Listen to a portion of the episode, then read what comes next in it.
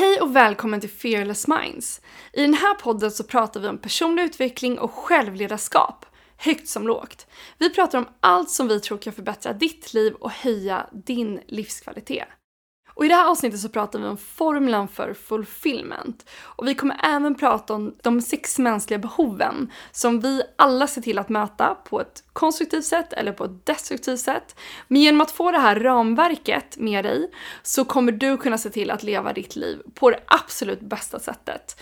Och för att du ska hänga med i allting vi pratar om så rekommenderar vi dig att gå in på fearlessminds.se och klicka på fliken där det står podcast och sen scrolla ner och ladda ner den pdf som hör till det här avsnittet och den heter då Formula för fulfillment. Och där kommer vi gå igenom allting som vi kommer prata om i det här avsnittet finns där i den pdfen och den är lika enkel att ladda ner på mobil som på dator.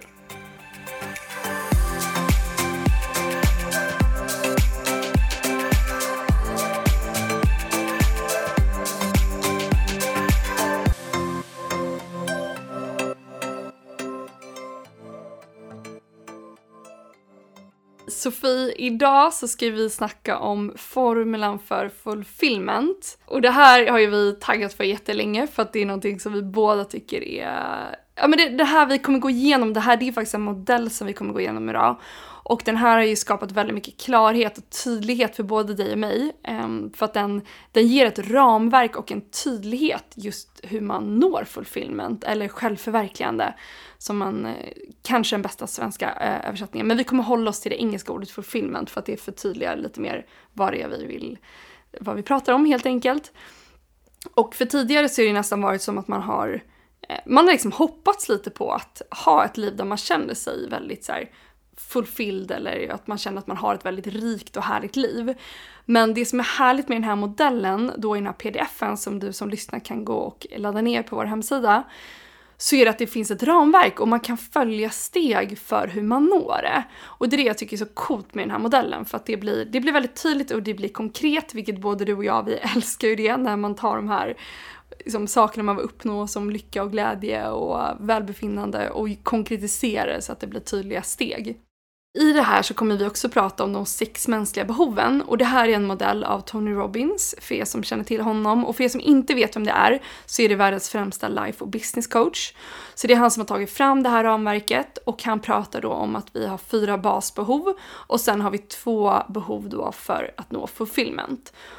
Så jag tänker egentligen att vi bara börjar och eh, pratar om de här, vi börjar med basbehoven helt enkelt och börjar prata om dem, vilka, vilka de är.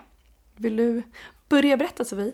Absolut. Ja, men det första basbehovet, och det, här, det här kan man också säga, det finns ingen inbördes eh, vad säger man, ordning så. Det, man, man har lite olika, beroende på hur man är som individ och person, så kan man ha eh, de här behoven utefter lite olika rangordning. Och dessutom som individ i olika delar av livet. Men vi går bara igenom dem nu, men det, det är i, liksom, inte i inbördes ordning, så här, for the record. Men ett, det första behovet är certainty. Det vill säga trygghet eller säkerhet på svenska. Och det här brukar man säga, det är behovet av att känna säkerhet och en liksom försäkran om att man kan undvika smärta och känna trygghet och glädje. Om man ska säga det kort. Men kan inte du förklara lite mer, vad handlar det här om egentligen, det här behovet? Liksom? Hur skulle du exemplifiera det snarare kanske? Ja men det här är väldigt mycket så här, ha stabilitet. Det kan handla om att man har sin bostad, man har sitt jobb som man går till, man har sina vänner som man träffar. Att det finns en trygghet i livet och att man, man kanske håller sig till vissa rutiner som man har under en vecka. Just för att etablera den här känslan av trygghet. Och det är ett väldigt viktigt behov. Eh, och det här då enligt Tom Robbins är det, det här är det behovet som också de flesta personer har rangordnat högst. Alltså det är det som är eh, som man har högst uppe och man ser till att göra allt för att hålla sig inom sin trygghet och sin säkerhet.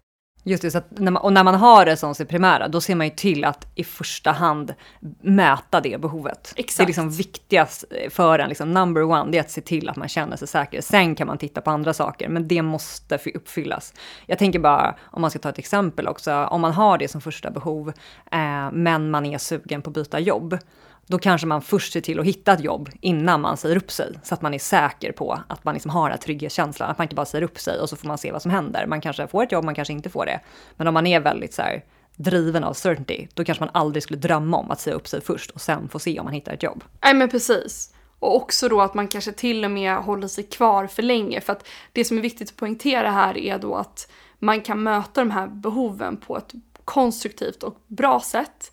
Eh, om man kan säga bra och dåligt här, men att så här, ja, på, på konstruktivt, ett positivt sätt eller på ett negativt sätt. Så att, att ha trygghet och säkerhet är ju väldigt bra, det behöver vi alla människor. Men är det här då, som du var inne på Sofia, att så här, vi har de här rangordnat eh, hos oss och det, det, kan ni alla få snart reflektera över efter, lite senare då, vilka som ligger högst upp för dig i ditt liv just nu.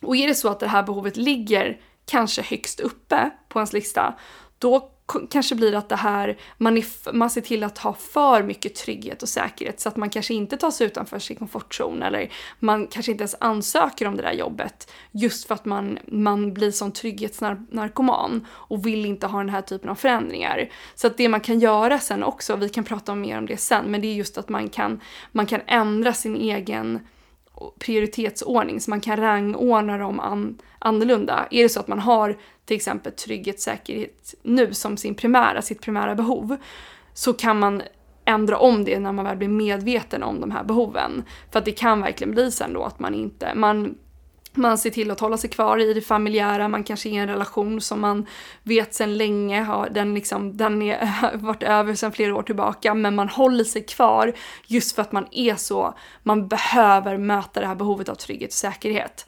Så att det kan liksom ha positiva, eh, en positiv inverkan men också negativ beroende på hur stor plats det här behovet får i ens liv.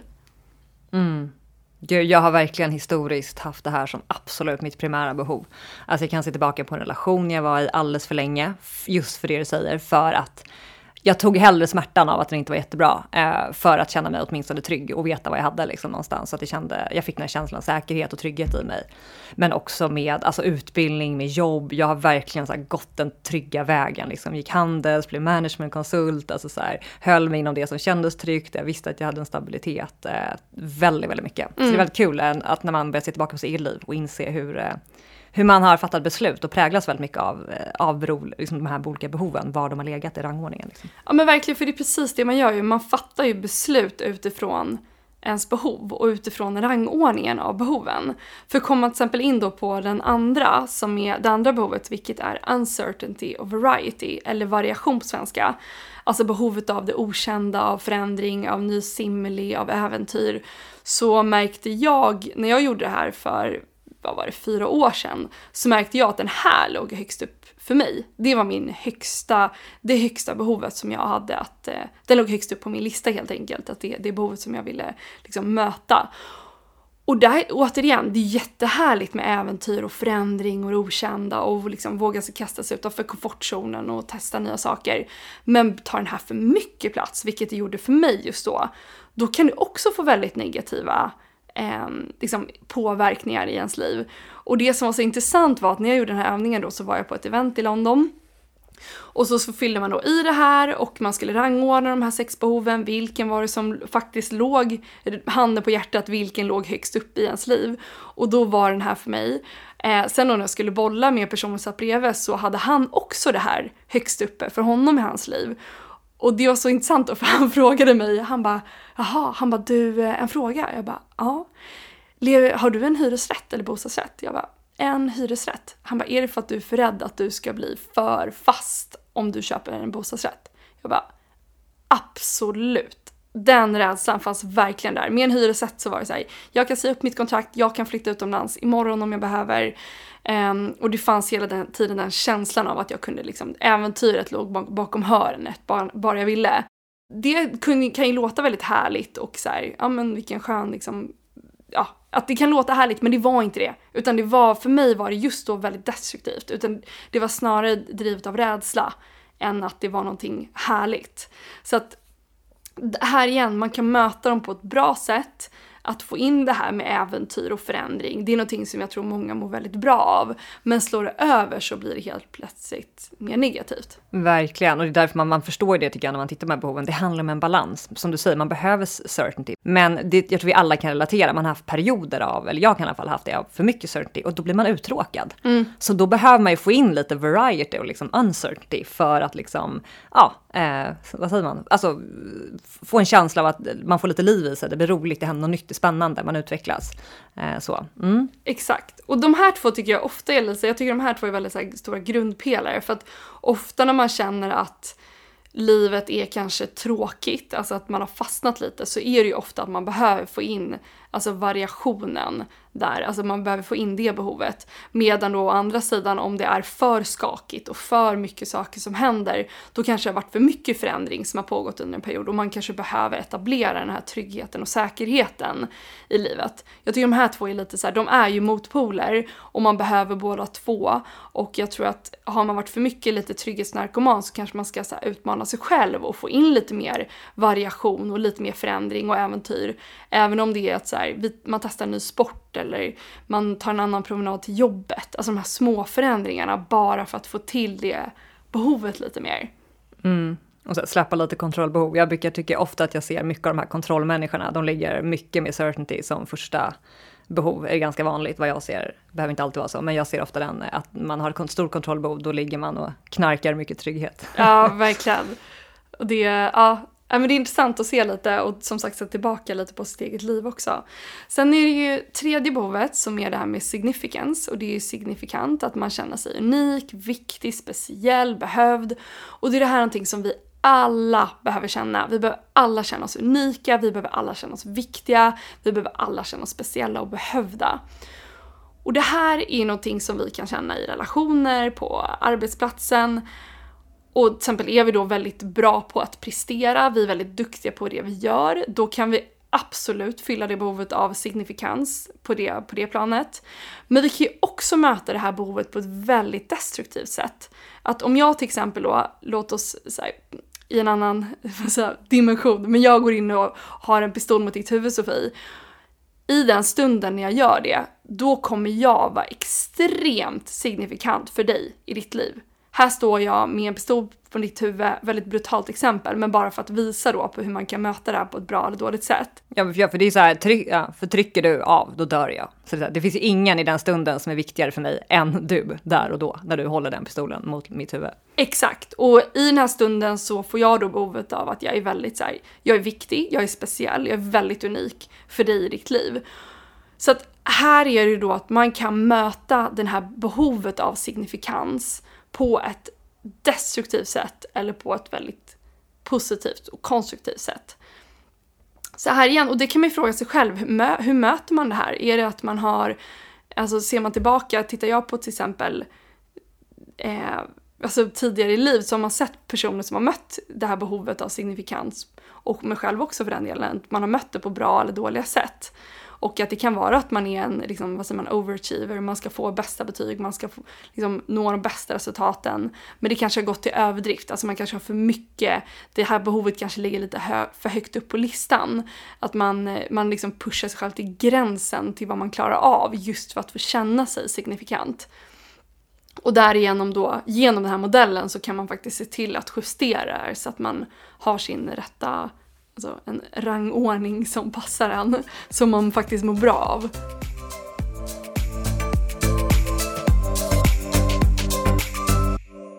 Och nummer fyra då, det sista basbehovet, det är det som är, kallas för love and connection, eller kärlek och samhörighet. Och det handlar då just om att känna närhet, känna samhörighet med någon eller något faktiskt. Mm, exakt och det här är väl liksom enligt rekommendation, om man kan säga så, så bör man ju, eh, alltså må, man mår bra av att ha den här väldigt högt uppe. Eh, vi människor är liksom funtade för just kärlek och känna connection.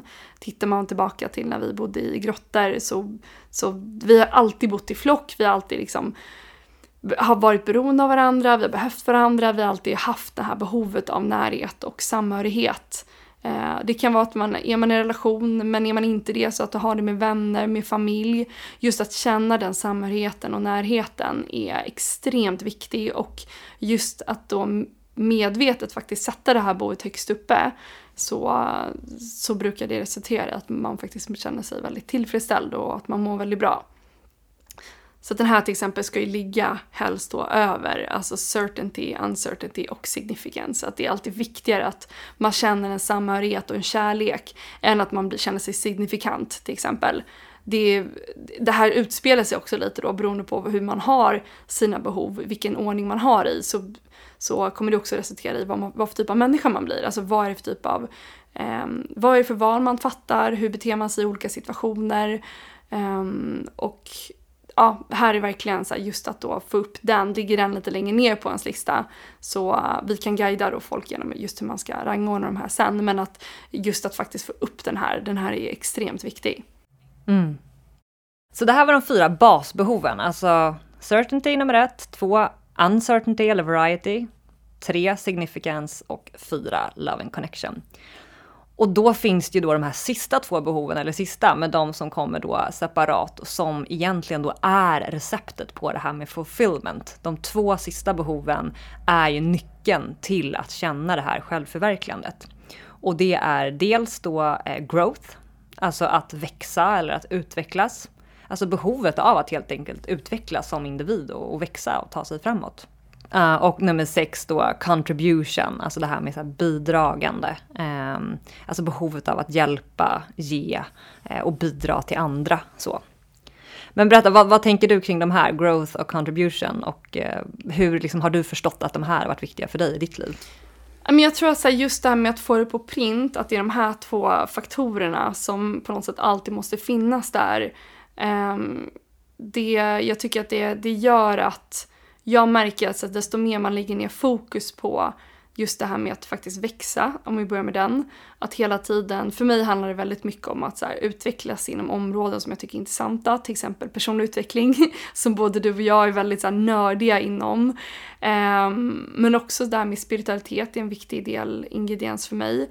Att hela tiden så här, förstå nya, jag vet inte, utveckla sig inom de områdena. Det är ja, två områden för mig då som jag mår väldigt bra av att utvecklas inom. Och att hela tiden öppna upp nya dörrar. För jag tycker det är så väldigt mycket just med growth. Att, och att utvecklas. Att desto mer man på något sätt sätter sig in i ett ämne desto mer märker man att det finns mycket mer att lära sig och desto mer, desto mer spännande blir det. Man kanske testar nya saker, en ny sport eller man går till nya till nya ställen, man, man testar ny mat. Att den delen av oss människor är ju så extremt viktig. Och tidigare så hade inte jag den som en det var ingenting jag gjorde medvetet riktigt förut, eh, utan det var snarare kopplat till att det var någonting jobbigt. Vet, man har gått i skolan och man har liksom behövt att lära sig och man har, alltså, ja, man har behövt att sitta i skolan, man har behövt att läsa den här boken.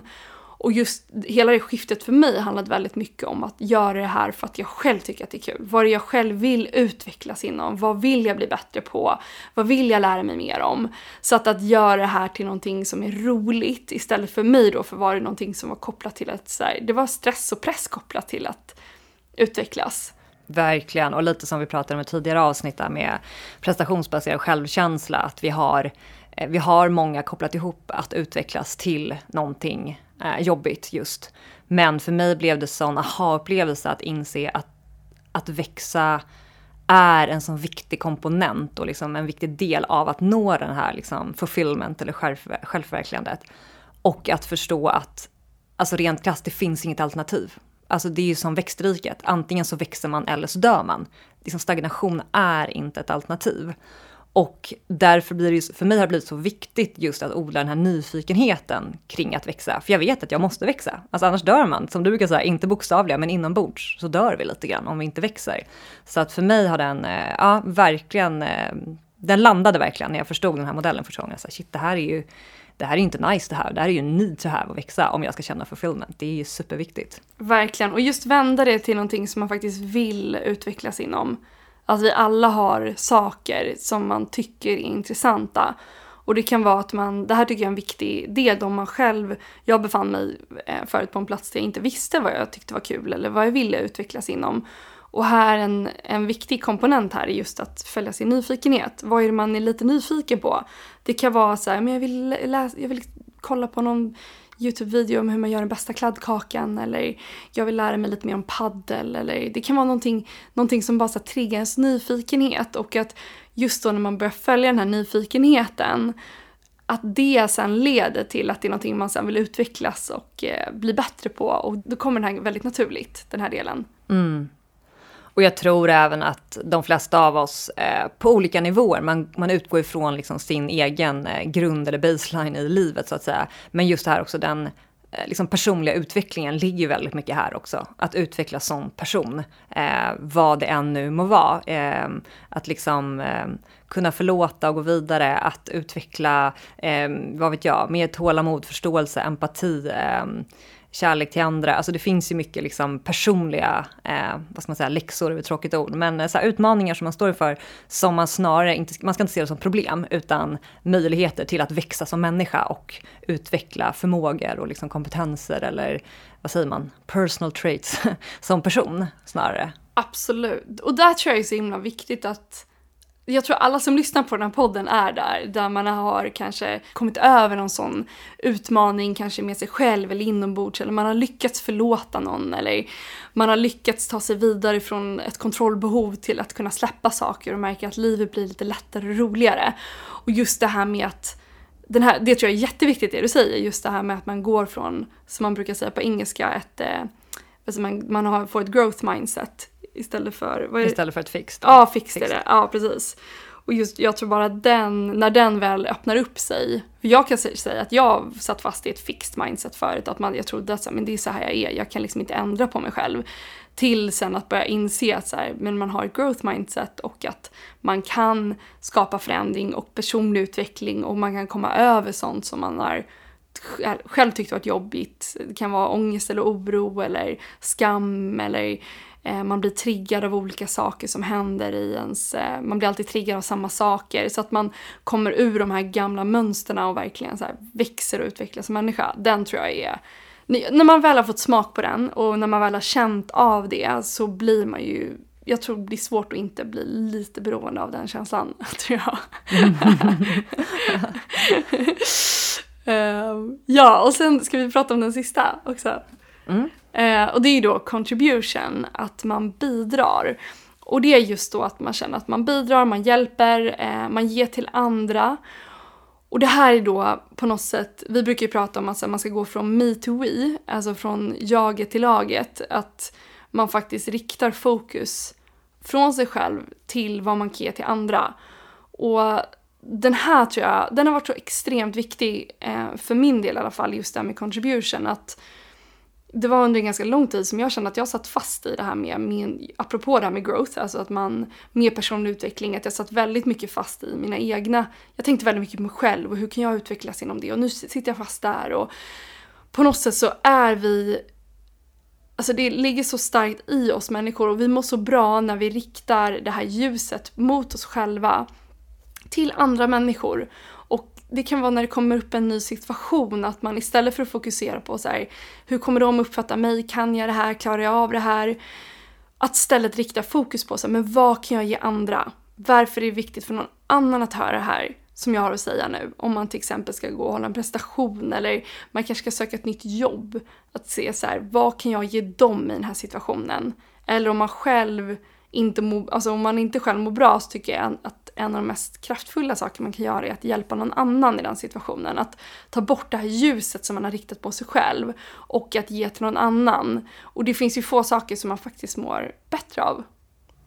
Mm. Verkligen. Och jag brukar tänka på den här, det handlar inte om att alla måste liksom börja jobba på med liksom Rädda Barnen och välgörenhet på den nivån. Det kan vissa göra och uppfylla det här behovet. Men andra kan ju liksom få den här känslan av contribution i liksom i ett arbete eller i en familjesituation eller i sin bekantskapskrets, alltså att man känner att man bidrar. Det är också så väldigt rotat från vår biologi och det här flocktänket. Att förr levde vi i flock liksom i grottan och då var det så himla viktigt att vi alla bidrog, men på olika sätt. Alltså någon var väldigt så intuitiv och kunde känna av när det höll på att bli liksom konflikter i gruppen och kunde lösa det. Någon var väldigt bra på att springa, var bra på att liksom jaga. Någon var bra på att sylta och fixa med grytor och någon annan var bra på något annat. Men just det här att så här, vi kan alla hitta våra sätt att känna att vi bidrar på, men att vi behöver alla hitta den känslan och att verkligen göra det, för det mår vi extremt bra av. Mm. Och det tror jag också att det är som du säger, att det är, att det är väldigt mycket i eh, att det behöver inte vara det här eh, stora att man ska säga upp sig och typ flytta till Indien och hjälpa fattiga barn, vilket kan vara jättehärligt och det kan absolut vara en del man, man vill vara med och bidra på det sättet. Men det är lätt att det blir för stort då, att det blir för övermäktigt och att man bara känner att så här, nej, det klarar inte jag av. Men just att det finns så många gånger bara i ens närhet, det kan vara att man hejar på folk på gatan. Det kan jag tycka för min del, att det gör vi inte så mycket i Sverige, men att när man väl ibland behöver, behöver liksom komma in i den känslan av att man, man har ett sammanhang och att man liksom bidrar. Att bara säga hej till folk. Det kan vara en sån där enkel sak som tycker jag i alla fall då gör min vardag lite bättre genom att bara se andra människor. Det kan vara att man sätter sig och tar ett samtal med någon eller att man, ja, bara i sin vardag att man ser till att bidra. Eller om man har liksom, man går till ett företag, man har sina, de andra personer man jobbar med där, att bara så här, kolla in hur folk mår om det är någonting de vill snacka om eller att bara skämta lite, på något sätt så här kunna ja, ge och bidra till alla smått som stort på något sätt. Mm. Och en viktig grej tycker jag som verkligen har landat hos mig, det är att Tony Robbins som har kommit med den här modellen, han pratar om att det är så här, the science of achievement, men the art of fulfillment. Och det ligger så otroligt mycket i det, att det han menar med det är att, att liksom framgång att till exempel bygga ett bolag eller vad det kan vara, alltså lite mer monetär framgång om vi pratar så. Eh, där kan man titta mycket på så här, men hur har andra gjort, lära av de bästa, liksom, kopiera, alltså så här, det finns ett, liksom, en, liksom en formel någonstans för att följa det där och, och nå ett resultat. Men the art of fulfillment, att, att liksom som individ känna sig förverkligad, det går inte att kopiera någon annan på, utan man måste hitta det är, som, det, är som hitta, det är som är konst, vad är snyggt, vad är fult? Det, är liksom, det handlar verkligen om att hitta sitt fulfillment, sin individuella känsla och den vägen ser väldigt olika ut beroende på vem och vilka vi är egentligen. Vilket gör att det också, jag ser det lite som, det är lite av ett hantverk. Man får, så man får hela tiden, det är, det är inte så att man lutar sig tillbaka och bara skönt, nu är jag för uppfylld, nu är jag fulfillment, nu är jag där, härligt, check. Utan det är ju kontinuerligt och det förändras väl vad man upplever fulfillment av. Så det ändras ju liksom i takt med livet. Vad behöver man sen för att uppleva den känslan? Alltså det är hela tiden en process någonstans att, att, att, att nå det där tillståndet på något sätt.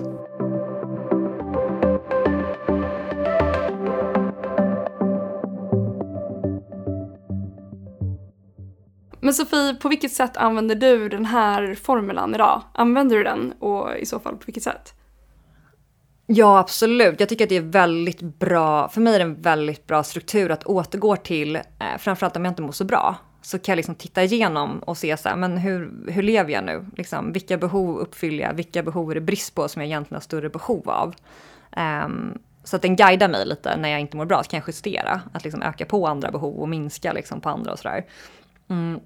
Men framför allt så har den stärkt mig i när jag ska fatta beslut. Alltså i och med att jag jag tänker som, när jag, jag sa upp mig från ett så här väldigt välbetalt jobb, eh, liksom såg väldigt bra ut, så bra liksom status externt och allt det där. Men det som lite fick mig att våga ta steget, det var när jag insåg att den riktningen jag gick mot, det vill säga starta Fitlife, det här communityt jag startat för liksom kvinnors reproduktiva hälsa, men också starta Fearless Minds med dig, det var att jag insåg att med de här initiativen som jag nu driver idag så uppfyller jag Eh, för mig eh, nummer fem och sex, det vill säga growth och contribution. Och det fick mig att känna, men det är klart jag ska dit. Alltså så här, det här är ju rätta vägen för mig, för att jag vill känna fulfillment. Eh, och även andra behov som uppfylldes även av det också. Men att det blev liksom det tydliga för mig, att jag fattade det beslutet. Och det känns, och det kan jag återgå till idag också när jag vill påminna mig själv om varför jag gör vad jag gör. Eh, så är det väldigt eh, skönt att bara, just det, det är det här liksom, som, det här får mig faktiskt att känna growth och contribution, vilket får mig att må extremt bra. Mm. Coolt. Jag har det också faktiskt väldigt mycket i min relation. Eh, med Kalle som jag är gift med så har vi lite det här som en eh, ja, men så här, liten termometer i förhållandet som vi tar upp till och från och pratar om. Att så här, ja, men att jag berättar om, alltså så här, vi, vi, känner av liksom, att så här, men jag, jag rent så här, uttryckligen berättar liksom, ja, men på de här sex behoven, liksom, här just nu upplever jag i min, vår relation att jag inte känner att jag får så mycket av liksom, det här och det här behovet. Eh, liksom, det här behöver jag mer av. Nu, nu är det alldeles för mycket certainty och vardag och liksom, eh, vi har ingenting som är variety. Liksom. Eh, och då kan det ju vara allt ifrån att så här, men vi går ut och käkar middag en kväll eh, till att vi eh, sätter oss och dricker ett glas vin bara liksom, när barnen har gått och lagt sig. Eller eh, jag vet jag, köp lite nya underkläder. eh, men liksom så. Eh, eller kanske i mitt fall att jag har, väldigt, jag har väldigt stort behov av det här med significance. Och så här, bara att han vet att så här, älskling, påminnelse, jag har väldigt stort behov av det här. Liksom. Det ger mig så mycket när du ser mig och eh, berömmer mig för någonting eller uppskattar mig eller visar tacksamhet. Eh, och samma då för honom, att han går igenom och gör som en, vad säger man, avcheckning eller avstämning. Var han står i relationen, vad han har för behov som vi inte möter. Ehm, så det är ett jättebra sätt att liksom stämma av i relationen, vart befinner vi oss? För på samma sätt som att det här är bra på individnivå så är det också väldigt viktigt att man på relationsnivå uppfyller varandras behov. För då kan man ju liksom i sin relation och par eh, utvecklas och, och känna någon form av fulfillment i det. Toppen, alltså svinbra verktyg att ha i en relation. Så, för som du säger, så här, möter man de här behoven i en relation då, då kommer man vilja vara kvar där och då kommer man fortsätta utvecklas. Man kommer verkligen känna fulfillment i sin relation. Verkligen, och jätteviktigt att man förmedlar, eller som vi har i alla fall som guideline, att vi pratar om våra egna behov. Men sen när vi liksom är klara med den diskussionen, så här, då är mitt fokus att tänka på vad kan jag göra för Kalle? Mm. Och tvärtom. Mm. Så att man inte fokuserar på vad jag hela tiden behöver, utan hur kan jag, på tal om att bidra, nummer sex, hur kan jag liksom stärka min partner? Hur kan jag möta hans behov eller hennes behov? Och tvärtom, att man liksom tänker på varandra. För då blir det en väldigt bra dans i det där.